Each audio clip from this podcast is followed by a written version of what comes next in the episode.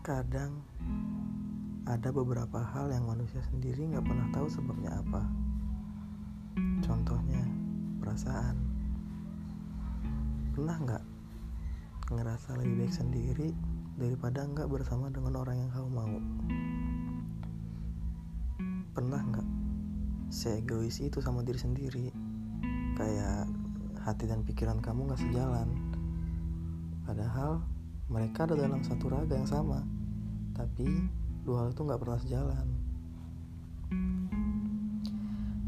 Ada sebuah kalimat yang indah, mungkin hanya diciptakan untuk dikagumi dari jauh, bukan untuk dimiliki. Kamu pernah nggak ngerasa rindu dengan seseorang, padahal dia tepat di dekatmu? Bukan raganya, tapi perihal dirinya yang udah gak seperti dulu, yang kadang membuatku kesal, khawatir, dan bahagia.